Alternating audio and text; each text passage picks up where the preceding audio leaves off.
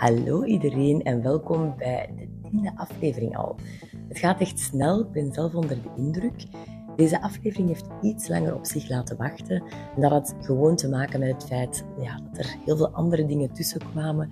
Maar voilà, vandaag laat ik ze op jullie los en hoop ik dat, ze, ja, dat het weer heel waardevol is en jullie mag inspireren. Nu, voor we in de authentieke babbel duiken, wil ik jullie nog graag uitnodigen voor zowel het Live Inspiratie Event op 6 oktober. Het is de laatste week om jouw ticket aan een voordelig tarief uh, aan te schaffen. Dus vind je authentiek leiderschap waardevol, zinvol? Wil je ook gewoon netwerken en je omgeven met gelijkgestemden? Zorg dan dat je erbij bent. Ik kijk er heel erg naar uit om je te ontmoeten.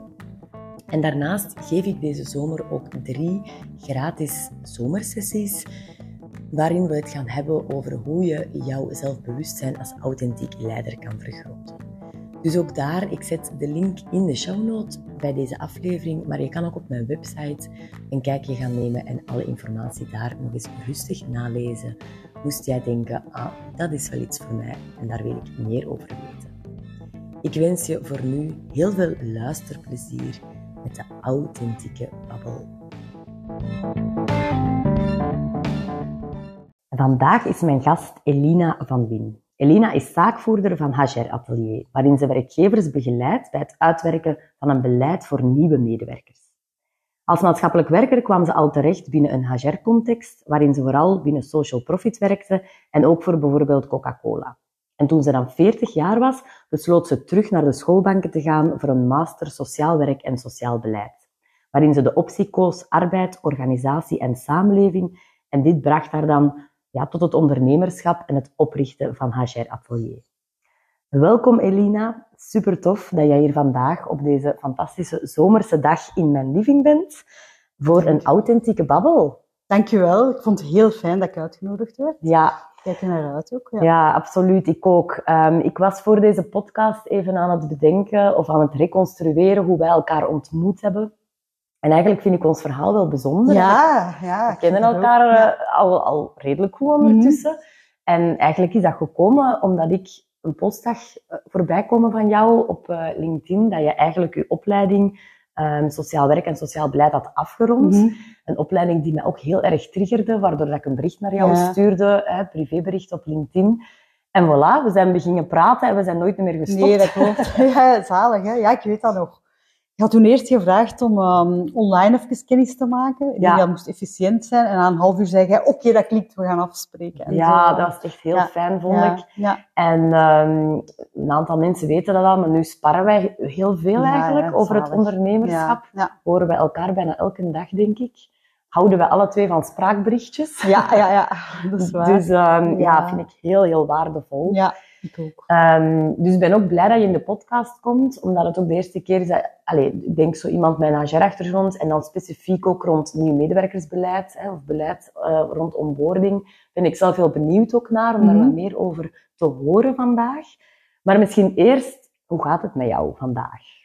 Goed eigenlijk, ja. ja. Um, ik voel me heel goed, heel energiek ook. Ik moet wel zeggen, um, ik ben iemand die heel graag springt en ik ben nu gesprongen als uh, zelfstandige. En ik vind dat super fijn om te doen. Dat geeft mij veel energie. Um, ja.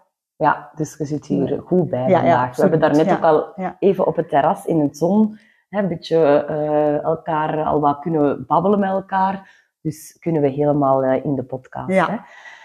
Nu, als je aan de luisteraars een beetje wil vertellen, voor mensen die jou niet kennen, um, ja, wie dat Elina is en, en vooral wie ben jij in de kern. Hè? Dat springen, zei je al, ja, maar, ja. maar, wat hoort daar voor jou nog bij? Ja. Um, ik heb op voorhand een beetje nagedacht, wat ga ik vertellen? Want net als iedereen heb ik natuurlijk uh, verschillende identiteiten en verschillende rollen in de samenleving. Dus ik was aan het denken, over welke stukken van mijn identiteit ga ik iets vertellen? Um, ik ben in de eerste plaats zeker ook uh, mama van Rosalie, mm -hmm. Ilias en Annabel. Uh, drie heel verschillende kinderen. Super tof eigenlijk. En getrouwd en soulmate ook wel van Vincent. En um, verder ben ik inderdaad ondernemer geworden. Uh, van oorsprong ben ik, of ik, mijn eerste, mijn basisopleiding was sociaal werk. En ik kijk ook wel vanuit dat sociaal werk en dat sociaal beleid naar, um, naar HR en naar ondernemerschap. Ik vind dat super boeiend. Ja. Ik ben ook heel geïnteresseerd zo in uh, sociale gelijkheid, sociaal ongelijkheid, culturele, culturele verschillen. Um, en inderdaad, ik zei, ik ben een springer. Dat vind ik echt, dat past bij mijn persoonlijkheid. Ik, uh, als ik ideeën krijg, dan spring ik.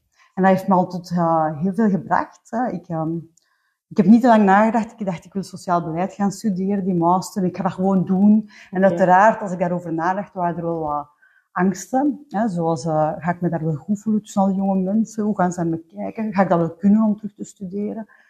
Um, maar kijk, ik heb dat gedaan. Dat heeft me ook ertoe gebracht dat ik drie jaar in Colombia heb gewoond. Dat was een heel verrijkende periode. Ja. echt. Niet alleen roze geur en maneschijn, daar kan ik veel over vertellen, maar toch heel tof geweest. En um, ben ik nu ook ondernemer. En dat is ook omdat ik gedacht, ik voel dat ik iets wil doen met ontboorden. Ik spring gewoon, ik doe dat.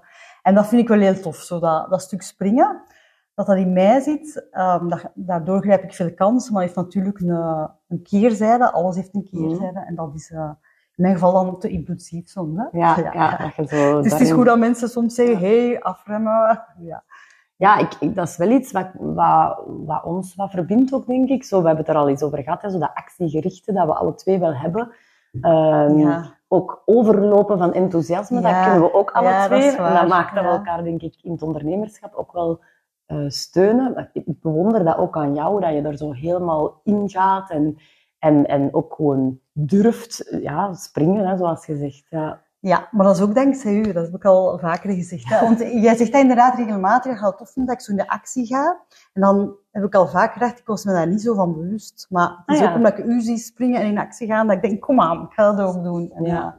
je stimuleert me daar ook in. Hoe tof. Heel ja, we stimuleren elkaar, denk ik, daarin. Dus dat is fantastisch, hè?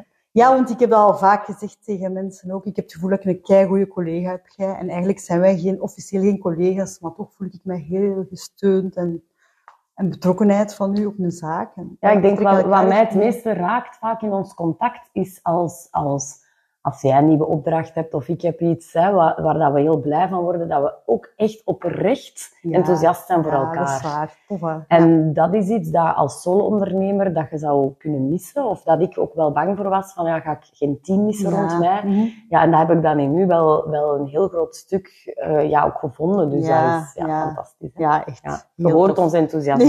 Ja, ja, ja. wat zijn jouw grootste passies in je leven? Mijn passies zijn um, uh, ja, enerzijds mensen. Ik ben heel geïnteresseerd in mensen en uh, de waarde van mensen, hoe dat mensen ook samenlevingen organiseren. Dus zo cultuur vind ik heel boeiend. Um, ik lees dus ook heel graag over andere culturen, maar cultuur, ik zie dat heel breed. Dat kan even goed een subcultuur zijn, ja, uh, die bij huis, als uh, totaal andere samenleving. Ja. Dat maakt ook dat ik heel graag reis. Dat, dat is eigenlijk mijn grootste passie. Ik zou graag voor voor mijn dood de hele wereld gezien hebben, maar ik weet oh. dat dat niet realistisch is.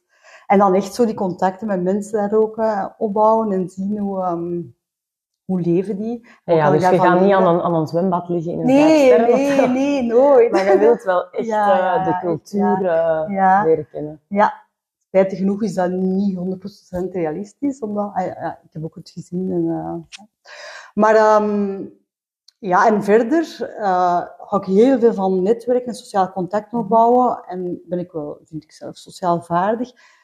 Maar dat maakt dat veel mensen mijn andere kant niet kennen. Ik ben ook iemand die heel graag alleen is, introvert. En bijvoorbeeld, ik ga heel veel mountainbiken of wandelen. En ik ga ook heel graag alleen mountainbiken. Ja. Ik heb een toffe groep met wie ik dat doe, maar ik kies ook echt om bewust alleen in de natuur te zijn. Um, dus ja, dat is zo mijn introverte kant. Ja. Dat is dus ook een passie, natuur. En dan... Uh, sporten.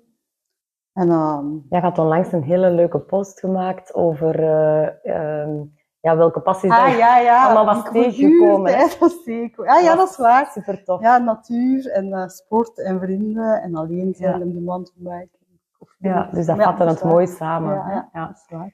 Veel passies. Ja, ik, ik, ik herken u ook echt als een gepassioneerde vrouw of zo. En dat vind ik um, ja, ook heel inspirerend. Nu, ja, Hager Atelier is ontstaan, hè, ik heb het daarnet ook gezegd, na uw, uw masteropleiding. Um, ja, kan je wat meer vertellen wat je precies doet met Hager Atelier? Ja. ja, hoe dat ontstaan is, het is eigenlijk zo, ik ben inderdaad dus weer eens gesprongen in een master sociaal beleid. Ik ben aan de KUL gaan studeren. Um, 2020 tot 2022 was dat. Toen met het idee, ik ga daarna een beleidsfunctie bij de overheid uh, opnemen.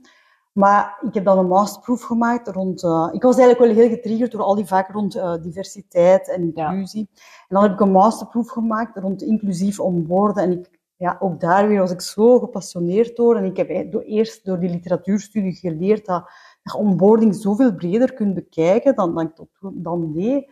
En dan ook heel toffe interviews met uh, medewerkers um, met een migratieachtergrond in dat geval. Okay. En dat was zo tof en ik had echt iets, wauw, ik wil dat eigenlijk in de wereld zetten. En ik wil uh, werkgevers ondersteunen om een, een nieuw medewerkersbeleid uit te bouwen en daar heel breed naar te kijken. Hè. Want ik merk dat veel mensen denken, we hebben een nieuw medewerkersbeleid, want we doen een introductie, we doen een informatieoverdracht. Um, of we doen een warm onthaal, we geven een, een warme koffie en soms zelfs welkomstgeschenken op de eerste Ja, dag. ja. Maar onboarding zie ik eigenlijk heel breed. Ik weet niet of je wilt dat ik dat allemaal vertel nu. Of- Ja, je mag er zeker iets Ja, over vertellen. ja. Dat kan interessant zijn voor mensen. Van, wat, wat is dat dan, een eh, ja, medewerkersbeleid? Ja, om te beginnen benader ik altijd vanuit het eh, model van eh, Talia Bauer. En dat gaat erom dat je connecteert met je medewerkers op verschillende niveaus. Dat je eigenlijk zorgt dat zij je organisatiecultuur goed leren kennen. En dat zij, dat ze uw missie, uw visie, uw waarden, maar ook gewoontes, onuitgesproken of uitgesproken omgangsvormen vaak. En dat ze zich daar thuis in voelen, daar een plek in vinden en dat ook begrijpen. Dat gaat ook over sociale integratie. Ja, hoe voelt je je in je team? Past je in je team? Mhm. Zijn je aanvullend aan je team of juist niet? Maar ook uh, bij de organisatie zelf en zeker ook andere teams, zeker in grote organisaties, hè, om ook in te zetten hoe, hoe ga ik zorgen dat ik connectie maak met andere teams en dat ik zo flexibel kan zijn en kan gaan samenwerken. Um, en dan ook um, rol en verwachtingen, dat mensen goed weten welke rol mag ik hier eigenlijk Ja. opnemen, wat wordt er van mij verwacht. En ik merk dat dat een moeilijke is, zeker in organisaties die zelfsturend werken. Um, en dan de basis, die bijna in alle organisaties in orde is, dat is de administratieve processen en het kader. Hè. Dus een duidelijk arbeidsreglement en de computer in orde, of het paswoord de eerste dag als je start. Zo, dat is meestal wel in orde. Maar ik zie dat dus breder. Um, dat moet voor mij ook echt inclusief zijn, hè. dus dat alle medewerkers zich betrokken voelen. En dat moet ook um, in verschillende fases zijn, maar um, bijvoorbeeld uh, het creëren van verwachtingen in een nieuwe functie, dat begint eigenlijk al nog voordat je een vacature hebt. Want je straalt als organisatie uit hoe het is om bij u te werken, via je medewerkers, maar eigenlijk ook via bijvoorbeeld leveranciers of familie die met bewoners in contact komen. Ja. Die krijgen allemaal een beeld van hoe het is om bij u te werken. Dus je kunt daar maar best invloed op hebben, dat dat realistisch is en aantrekkelijk. En um, zo krijgen andere mensen verwachting van hoe is dat daar. En dan via uw, uw manier van werven en selecteren, draagt er ook allemaal aan bij. Dus werk aan dat werkgeversimago uh, vind ik belangrijk om een goed beeld uit te dragen. Maar je kunt natuurlijk ook alleen maar uitdragen als het ook goed is om bij u te werken. Dus soms moet je ook andere processen dan meenemen.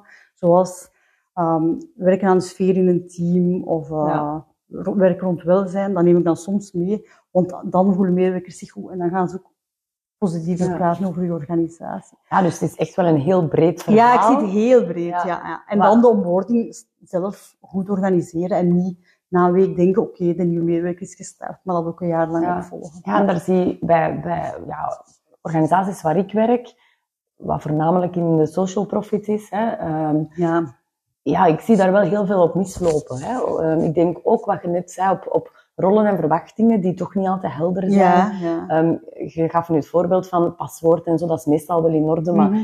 Sprak gisteren nog met een directeur die dan iets vertelde over, ja, ze waren zelfs, eh, dat was een inkanteling van de organisatie, maar zelfs gewoon iemand vergeten.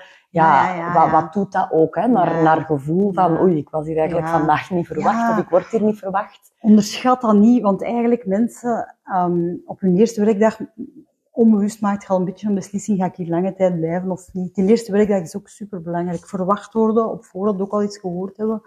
En als je dan zo toekomt, ik ken, ik heb- ken ook veel zo'n verhaal, en de computer was er nog niet, of, of je directe collega is juist in verlof en je zit daar alleen, dan uh, op dat moment verliest je als organisatie eigenlijk al een klein beetje die, die medewerker. Ah, ja, Niet alleen Ja. ontslag, maar ook dat psychologisch contract. Je gaat ook een psychologisch contract aan van... Um, ik wil mij engageren voor deze organisatie. En op dat moment kan dan denken, wow, er is geen engagement voor mij, want ik werd niet verwacht. Dus ik ga misschien ook al een beetje afhaken. Ja, dus dat psychologisch contract is heel belangrijk ja, ook. Hè? Ja, ja. En ja, het gaat je natuurlijk, hè, er luisteren naar deze podcast veel leiders. Um, kun je daar wat een idee op geven? Of hoe kijk jij daarnaar? Wat, wat, wat kunnen leidinggevenden ook, ja, belangrijke rol uiteraard, maar wat kunnen ze betekenen in heel dit proces?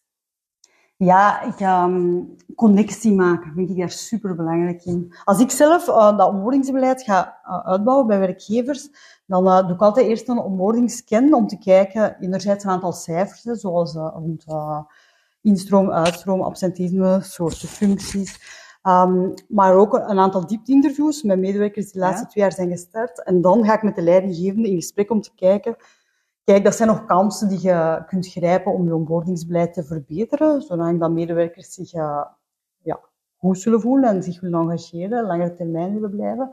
En dan ga ik aan de slag, dan worden er keuzes gemaakt, maar dan maak ik altijd werkgroepen.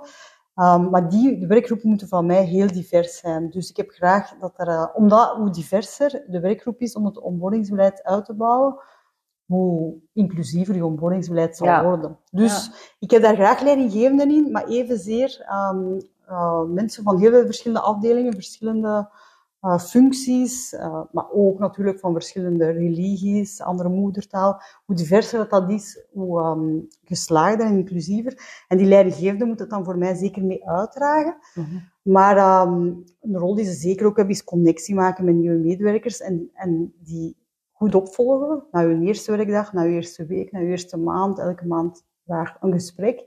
Om te voelen, zit je op alle niveaus van bouwer, die je daar straks vertelde, zit dat goed en wat kan ik als leidinggevende nog doen om bijvoorbeeld ervoor te zorgen dat jij je netwerk, hoe kan ik ondersteunen om bijvoorbeeld je netwerk nog breder uit te bouwen ja. of de organisatiecultuur beter te leren kennen. Dus die connectie maken en ook echt peilen naar de noden van je medewerkers. Ja. En begint ook echt wel met de overtuiging van een leidinggevende hoe essentieel dat dat is hè, om daarop in te zetten. Ja, ja, ja, ja, dat is waar. Ja, dat is uh, eigenlijk met elke verandering die je in ja. een organisatie wilt. Ja, ja. ja. super interessant wat je doet. Ik denk dat daar heel veel nood aan is ook. Hè, dat, dat heel veel uh, organisaties daar ja, nog wel eens naar kunnen kijken. En hoe, hoe gaat dat bij ons? Dus heel interessant. Nu, we hebben het in deze podcast over um, leven en leiden vanuit authenticiteit. Nu, ik ben benieuwd wat dat voor jou betekent. Um, authentiek leven en leiden. Ja. Um, ik weet niet, uh, ik weet het juist. Uh, fout antwoord bestaat niet.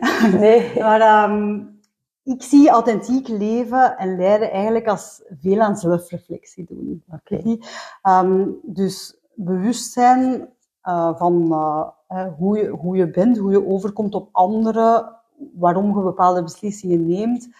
Um, en daar ook over communiceren naar anderen. En authenticiteit is dan ook in dialoog gaan en jezelf in vraag stellen. En ook met andere mensen um, stimuleren om authentiek en open te zijn en aan zelfreflectie te doen. Ah, ja. Omdat ik zelf ook merk, de, de contacten die mij altijd het meest energie en voldoening geven, zowel privé als op het werk, dat zijn de mensen die zich heel authentiek opstellen. En dat zijn ook vaak de medewerkers die zich het best voelen, omdat zij ook voelen, oh, ik kan hier connectie maken, omdat ik me kwetsbaar durf opstellen en mezelf durf in vraag stellen. Ja. Dus voor mij is dat eigenlijk authentiek leven en leiden. Ja, en ik merk, want dat is eigenlijk ook een beetje de eerste bouwsteen hè, van, van authentiek leiderschap, ja, ken jezelf. En ja. daar zit die zelfreflectie uiteraard heel erg in. Ben ik me bewust van mijn gedrag, van welk effect dat mijn gedrag ook heeft op anderen. Um, en ik merk ook dat jij dat wel heel erg doet ook zelf. Hè? Of, of ik herinner me dat je een podcast geluisterd had en dan, dat, dat je dan elke keer ah, wel ja, ja, ja, die reflectie maakt op iets dat je gehoord hebt en waar dat je dan onmiddellijk naar je eigen leven gaat kijken van oh, hoe is dat bij mij, hoe doe ik dat? Um, ja, dat vind ik heel bijzonder, dat je dat ook zo... Ja, ik moet wel zeggen dat ik denk, dat, dat komt natuurlijk ook al wat door persoonlijkheid en interesse, maar dat komt zeker ook door mijn opleidingen. En bijvoorbeeld in de master sociaal beleid vond ik dat enorm, hoe daar werd ingezet op zelfreflectie. Ik vond dat heel tof, want dat interesseert me.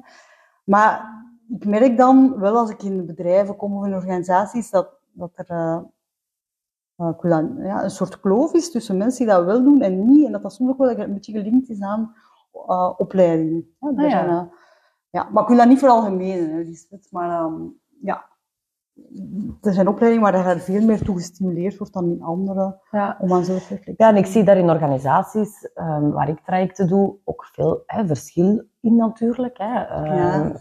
ja, wie dat daar al veel werk in heeft gedaan voor zichzelf, wie dat daar nog, nog werk in te doen heeft, of zelfs zegt van ja, ik, ik wil daar geen werk in doen, maar ook daar heeft denk ik een werkgever wel heel veel impact op, hè, van, ehm, om dat ook mee te stimuleren. En Ja, wat verwachten daarin ja, van medewerkers? Ja, Ik kom in heel veel organisaties waar vooral hulpverleners werken. Ja, ik ben zelf ook hulpverlener van Mhm. opleiding. Dat zit uiteraard ook in die opleiding. hè. Dat wordt ook verwacht. Ja, Ehm, absoluut. Ja. ja. Ja. En dan, eh, ik ga nu geen eh, namen van opleidingen noemen, want wie weet ben ik fout of ik wil ook geen eh, stigma. Maar ik merk wel dat er, zeker ja, er zijn functies waar dat helemaal niet is. En dat is, voelt soms oncomfortabel aan voor medewerkers om dat soort gesprekken aan te gaan. Maar kijk, ja, ik geloof wel dat we ons steentjes kunnen verleggen door daar... eh, Absoluut, ja, ja. Dat we mensen daar ook wat mee in kunnen Ja. stimuleren. Heb je ook soms het gevoel dat je over eh, re- zelf Reflecteert. Want het is, eh, ehm, ja, het is heel waardevol, mm, maar je kunt uiteraard er ook zo ver in gaan Ja. dat je soms denkt, ah, Ja, wel, ik heb zo, bij mij is dat eigenlijk wel heel opvallend. Ik heb bijvoorbeeld privé twee, ik heb twee groepen van vriendinnen. En in één groep wordt er enorm aan zelfreflectie gedaan. Elke keer opnieuw.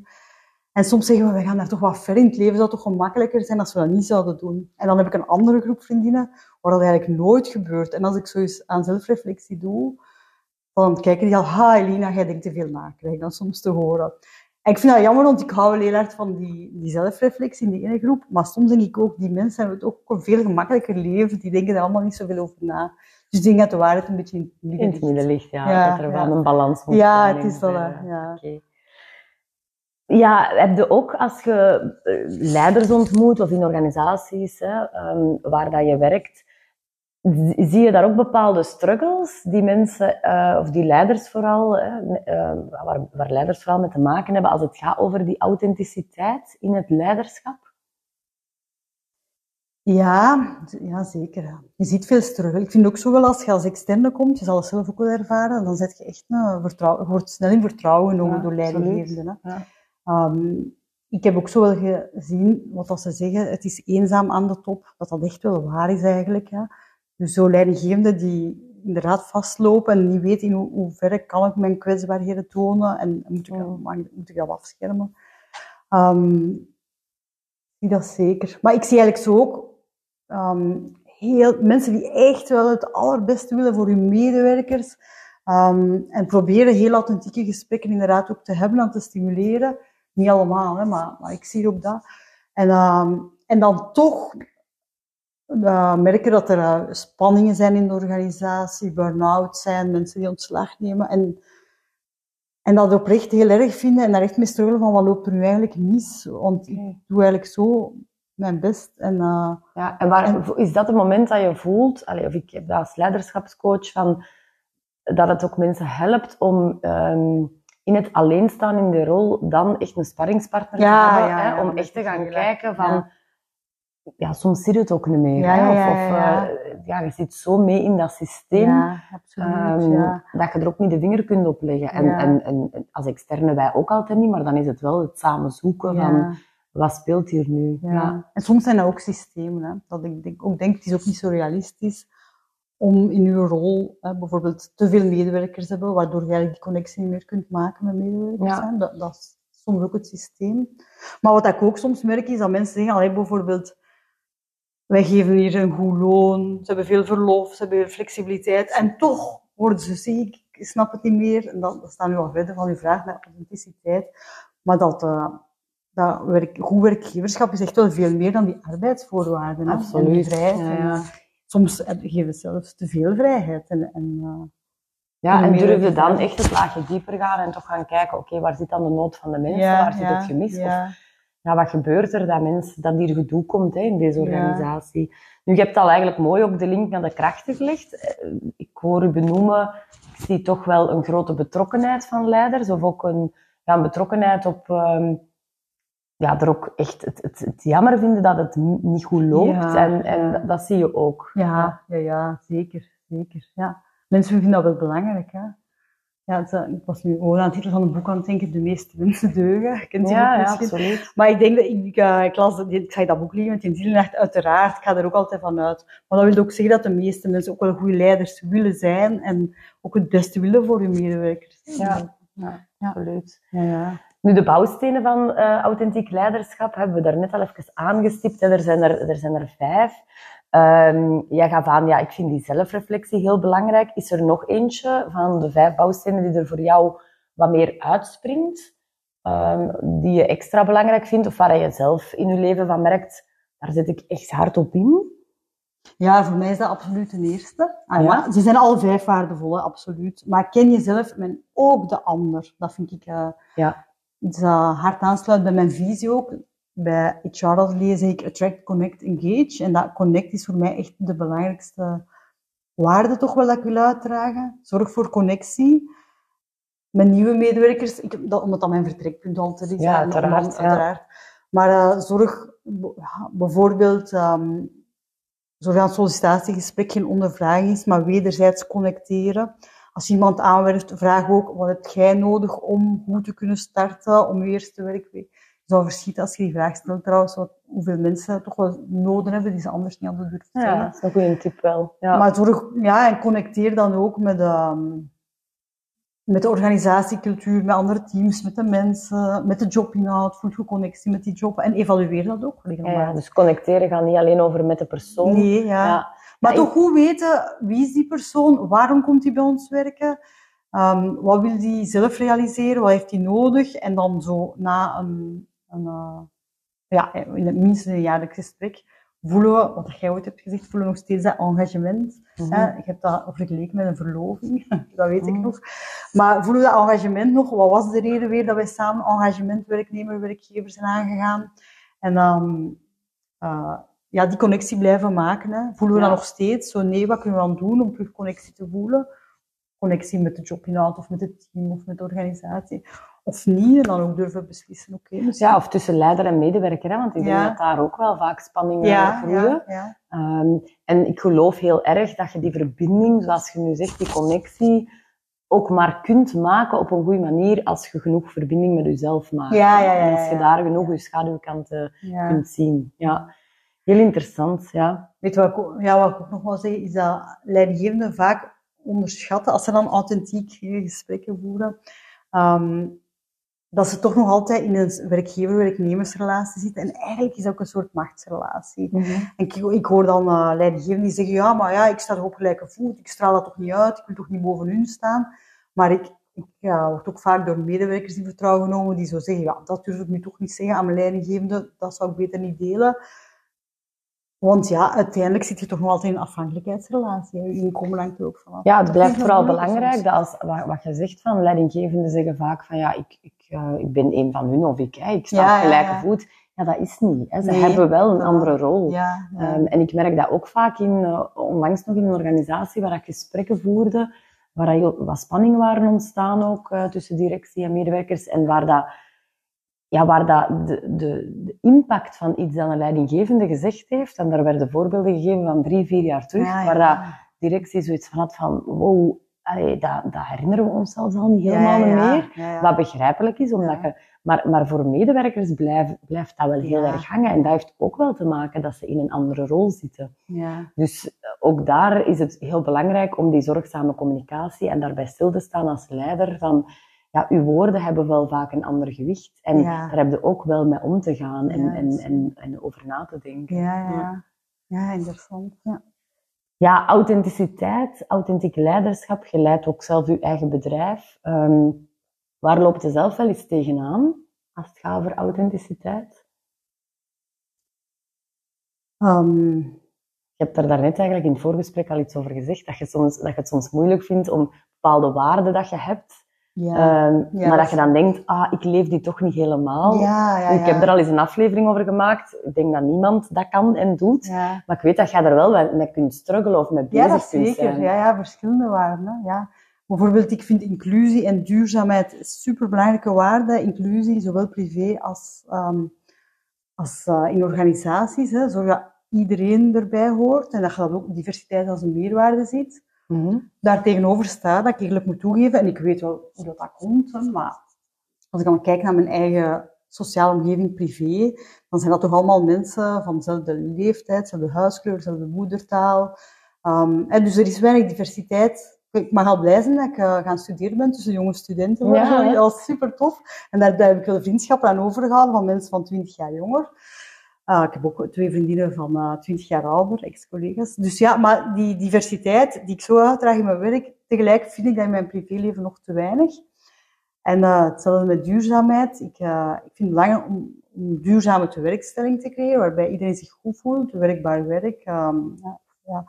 Maar, en duurzaamheid ook in mijn privéleven. Bijvoorbeeld, ik heb mijn auto weggedaan toen ik ging studeren. Ik heb geen nieuwe gekocht. Ik probeer zoveel mogelijk met openbaar vervoer ehm, eh, en mijn fiets met te Mhm. verplaatsen. En anders met cambio en af en toe een lelijke auto. Maar ehm, tegelijk reis ik bijvoorbeeld super graag. En eh, ik zie zo graag andere culturen. En dan moet ik het vliegtuig nemen. En dat is niet duurzaam. Dus ja, zo, hè, zo Ja.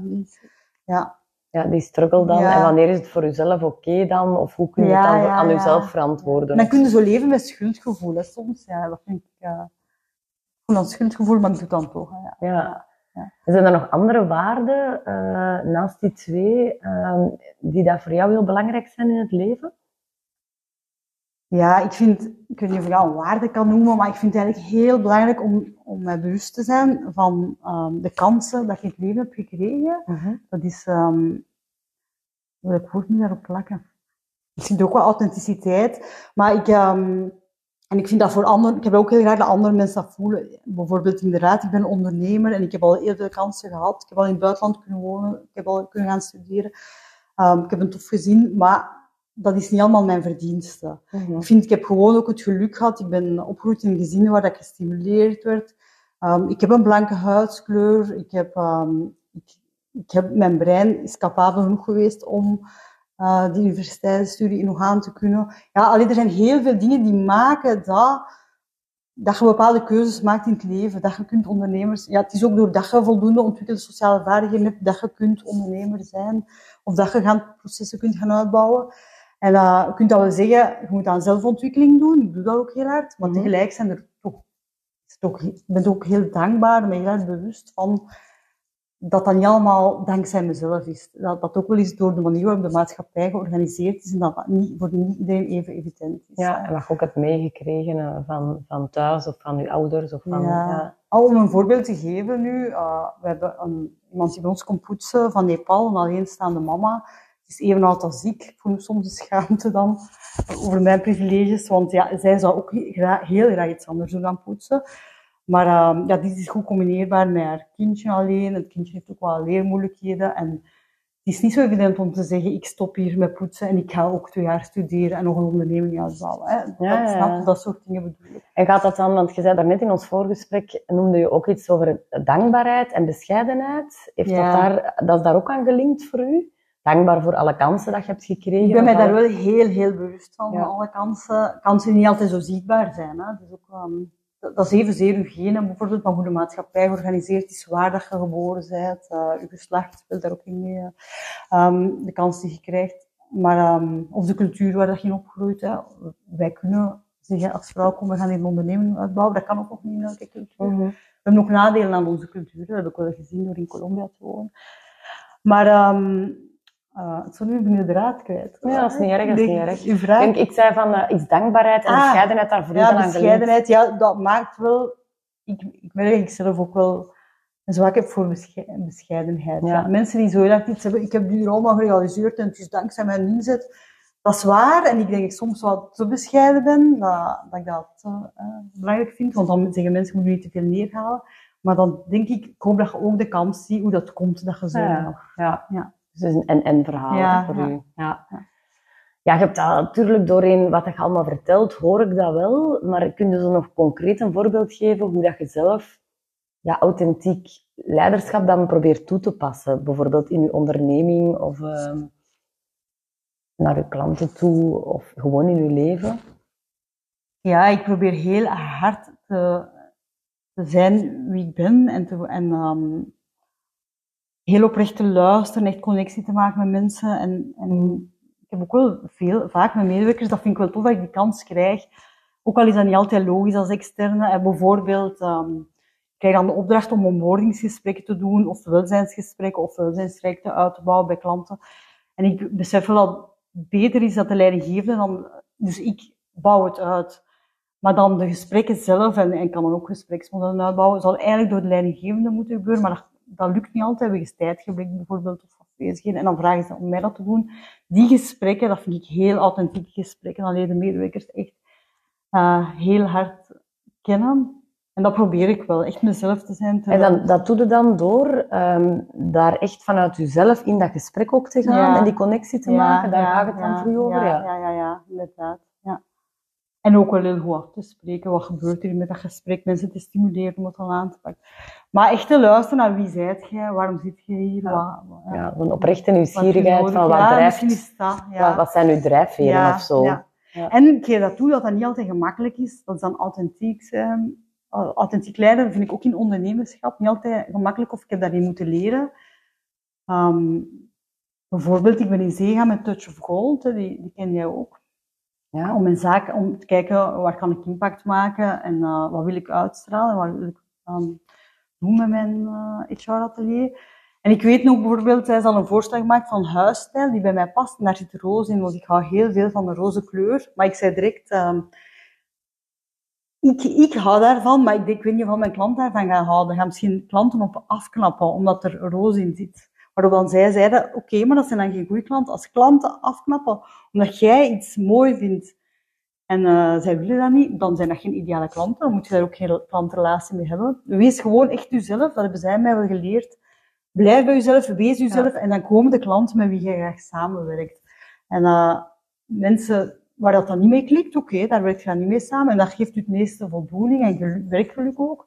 Ik ben daar echt van overtuigd. Maar dan denk ik, dat is waar, het was niet authentiek. Want ik ging me aanpassen aan wat ja, klanten. Ja, ja. Dat is nu een stom voorbeeld van die kleur. Maar het past maar, gewoon bij jou, dus... Ja. ja, ja, ja. En zo is dat ook in mijn aanbod, hè, waar dat ik, dat ik toch denk, kijk, ik geloof hard, dit soort processen moeten we uitbouwen voor nieuwe medewerkers. En alle medewerkers zullen daar dan baat bij hebben.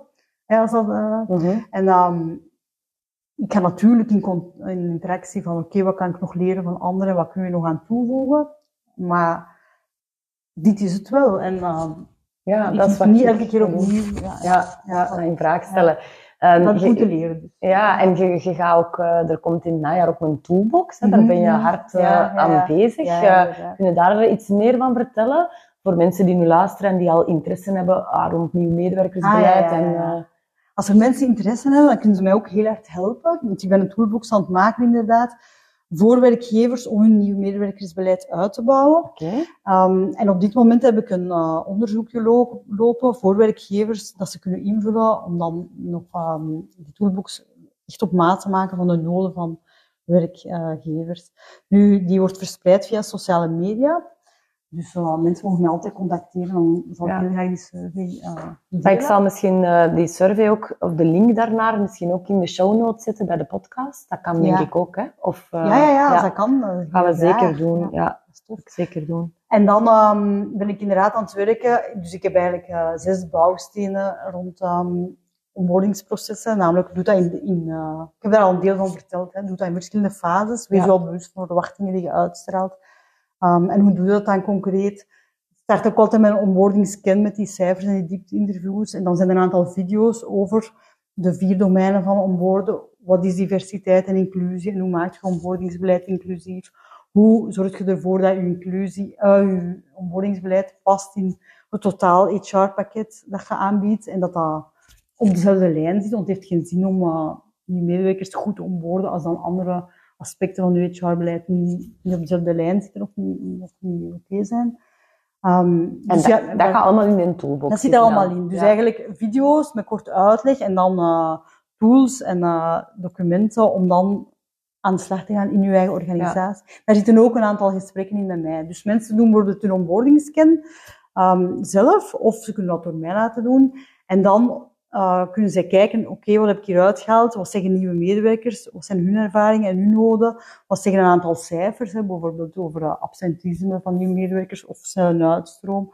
Ehm, of bepaalde functies die niet ingevuld geraken, en wat kun je dat hier doen? En als ze dat dan, als ze dat dan in beeld hebben gebracht, dan kom, uh, kunnen ze met mij in gesprek om te kijken, oké, hoe kunnen we nu verder? Ja. Dus ze kunnen eigenlijk starten zelf aan de slag als ze dat willen.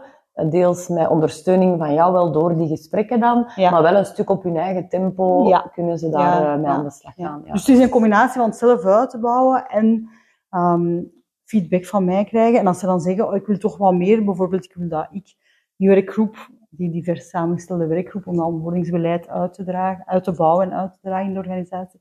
Wil dat dat door mij wordt geleid, of ik wil dat jij in interviews komt doen, dus, um, met nieuwe medewerkers, dan kunnen ze me daar ook voor vragen. Ja, ik vind het super interessant. Ik denk, allez, ik denk zelf al aan een aantal van mijn klanten, waar dat ik dan iets doe rond samenwerking uh, of leiderschapsontwikkeling, maar waar dat ik ook hoor van het is echt niet evident om nieuwe mensen aan te trekken, mm maar ook niet altijd om ze te houden. Ja, ja, ja. Um, ja, waar ik dat zeker ook ga aanraden. Ik denk dat het heel, um, ja, heel boeiend is om dat te doen. Ja. ja, je wordt ook een aantrekkelijke werkgever als je daarop inzet. Hè? En dan, uh, ja. ja. het is inderdaad een moeilijke tijd. Het is trouwens omgekeerd ook, Elisabeth, want ik zie dan soms... Um, bij organisaties dat er bijvoorbeeld uh, heel veel spanningen zijn in een team en dan, dan zijt je ook geen aantrekkelijk team voor nieuwe medewerkers. Dat maakt soms ook dat nieuwe medewerkers uitvallen of zich niet goed voelen of hun engagement is dan toch niet Ja, of geen goede ambassadeurs meer zijn, omdat ze niet tevreden zijn. Ja, ja absoluut. Hè, dat, dat heeft heel wat nadelen. Dus op, op zo'n moment moet er dan eigenlijk gekeken worden hoe kunnen we uh, hier iets doen met het team, omdat die sfeer beter zou worden en die spanning worden uitgesproken. En daar zit jij dan in gespecialiseerd. Voilà. Dus, ja, we gaan elkaar daar sowieso in kunnen versterken. Ja, ja zeker. Um, nu, we gaan een beetje naar het einde van de podcast. Uh, ik vroeg u ook, of ik vraag elke gast om uh, een quote mee te brengen die past bij authentiek leven en lijden. En ik ben heel benieuwd welke dat jij ah, hebt. Ja, wel, ik zag de vraag en ik dacht, ik ben daar zo slecht in. Hè. Dus ik hou van quotes en ik lees die altijd en ik denk dan, ah ja, maar ik onthoud die niet. En ik heb ook een uh, kalender van omdenken op mijn bureau liggen. Dus elke dag zie ik uh, een quote. Staat ja? En ik, uh, degene dat ik denk, oh dat is interessant, die scheur ik af en hou ik bij. Maar um, ik heb het eigenlijk niet meer bekeken en dan heb ik maar teruggedacht aan een quote die helemaal niet origineel is. Of, uh, dat maakt niet uit. Nee, en die misschien zelfs al gezegd is. Maar ik weet dat er vanaf mijn twaalf jaar een poster in mijn slaapkamer blijf jezelf, er zijn anderen genoeg. Is die quote er al eens Nee, die ah, is niet gezegd. Ja. Oef. En uh, uh, mijn vader lacht daar ook altijd mee, want er stond een ezel op, op die poster. maar um, dan denk ik, ja, dat is eigenlijk wel een quote dat ik wel ja. meen. Hè. Dat, dat gaat trouwens ook over inclusie. Pas u niet aan, maar uh, zorg dat we een samenleving kunnen organiseren waarin dat iedereen zichzelf kan zijn. Uh, ja, en voor mij past het ook wel, uh, ja, past uiteraard heel erg bij authenticiteit, maar ook wel bij hoe dat we het daarnet hadden over ondernemen. Want ook daar um, ja, geloof ik heel erg dat je je eigen stijl hebt, je eigen aanpak en um, ja, er zijn ook anderen genoeg. Dus ja, blijf ja, vooral vasthouden aan, zoals jij nu zegt, van ik, wil, ik richt me echt op uh, ja, dat beleid rond nieuwe medewerkers. En dat is echt wel wat ik klanten kan en wil bieden, waar ik sterk in ben. Ja, en zo hebben we allemaal ons eigen ja, expertise of onze eigen ja. manier van aanpakken, ook, denk ik. En onze eigen stijl. Dus voilà. Is er nog iets dat je graag wil meegeven aan de luisteraars? Um, ja. Goeie vraag, nog veel eigenlijk. Nee, um, nee ik, uh, ja, misschien twee dingen. Durf springen, maar ja, dat moet ook bij je persoonlijkheid passen. Maar vooral connecteer. En connecteer, dat, dat, um, dat zijn een beetje verleerd. Dat heb ik eigenlijk ook geleerd door in Colombia te wonen, waar dat er enorm veel connectie tussen mensen wordt gelegd. Ja. Hè. Dat is een uh, heel... Uh, uh, sociale cultuur en wij zijn wat individualistisch en dat is een collectieve cultuur eigenlijk. Um, en uh, dat heeft zijn nadelen ook, zo, want uh, ik merk dan wel als je hier connecteert dat je diepgaandere vriendschappen kunt uitbouwen dan dat, dat daar komt. Maar um, connecteer met, met jezelf, om de eerste plaats, connecteer met je collega's, zorg dat je ze leert kennen, connecteer met je buren, met de natuur, hè, weet, weet, leef bewust. Met jezelf, hè, met jezelf. Ja, ja, ja, heel mooi. En durf springen ook, hè, want misschien luisteren er nu wel mensen die net dat nodig hebben van ah, voilà. durf springen. Ja, ja, misschien zullen zeggen, Elina, je springt al zoveel. Stop eens met springen. Doe iets wel rustig. Ja. Ik wil u heel erg bedanken om hier vandaag te zijn. Um, ik wens u ook ontzettend veel succes met alles wat je aan het ondernemen bent. Ehm, met de toolbox, met alles wat er nog aankomt, uh, met klanten. En ja, ik ben er zelf van overtuigd dat wij wel gaan blijven connecteren met twee. Uh, en dat we elkaar ook gaan blijven ondersteunen in ja, alles wat we doen. Ja, tof dus, hè? Ja, ja, zeker. Ja, ja jij ook heel erg bedankt. Ik vond het eigenlijk heel tof. Ja, ik geef toe, ik was op voorhand een beetje nerveus. Het is mijn eerste podcast. maar ik vond het uh, heel tof. En um, ik ben u heel dankbaar ook dat ik mocht komen. Ja. Wel, heel graag gedaan. Goed, dag iedereen. Ja, dag.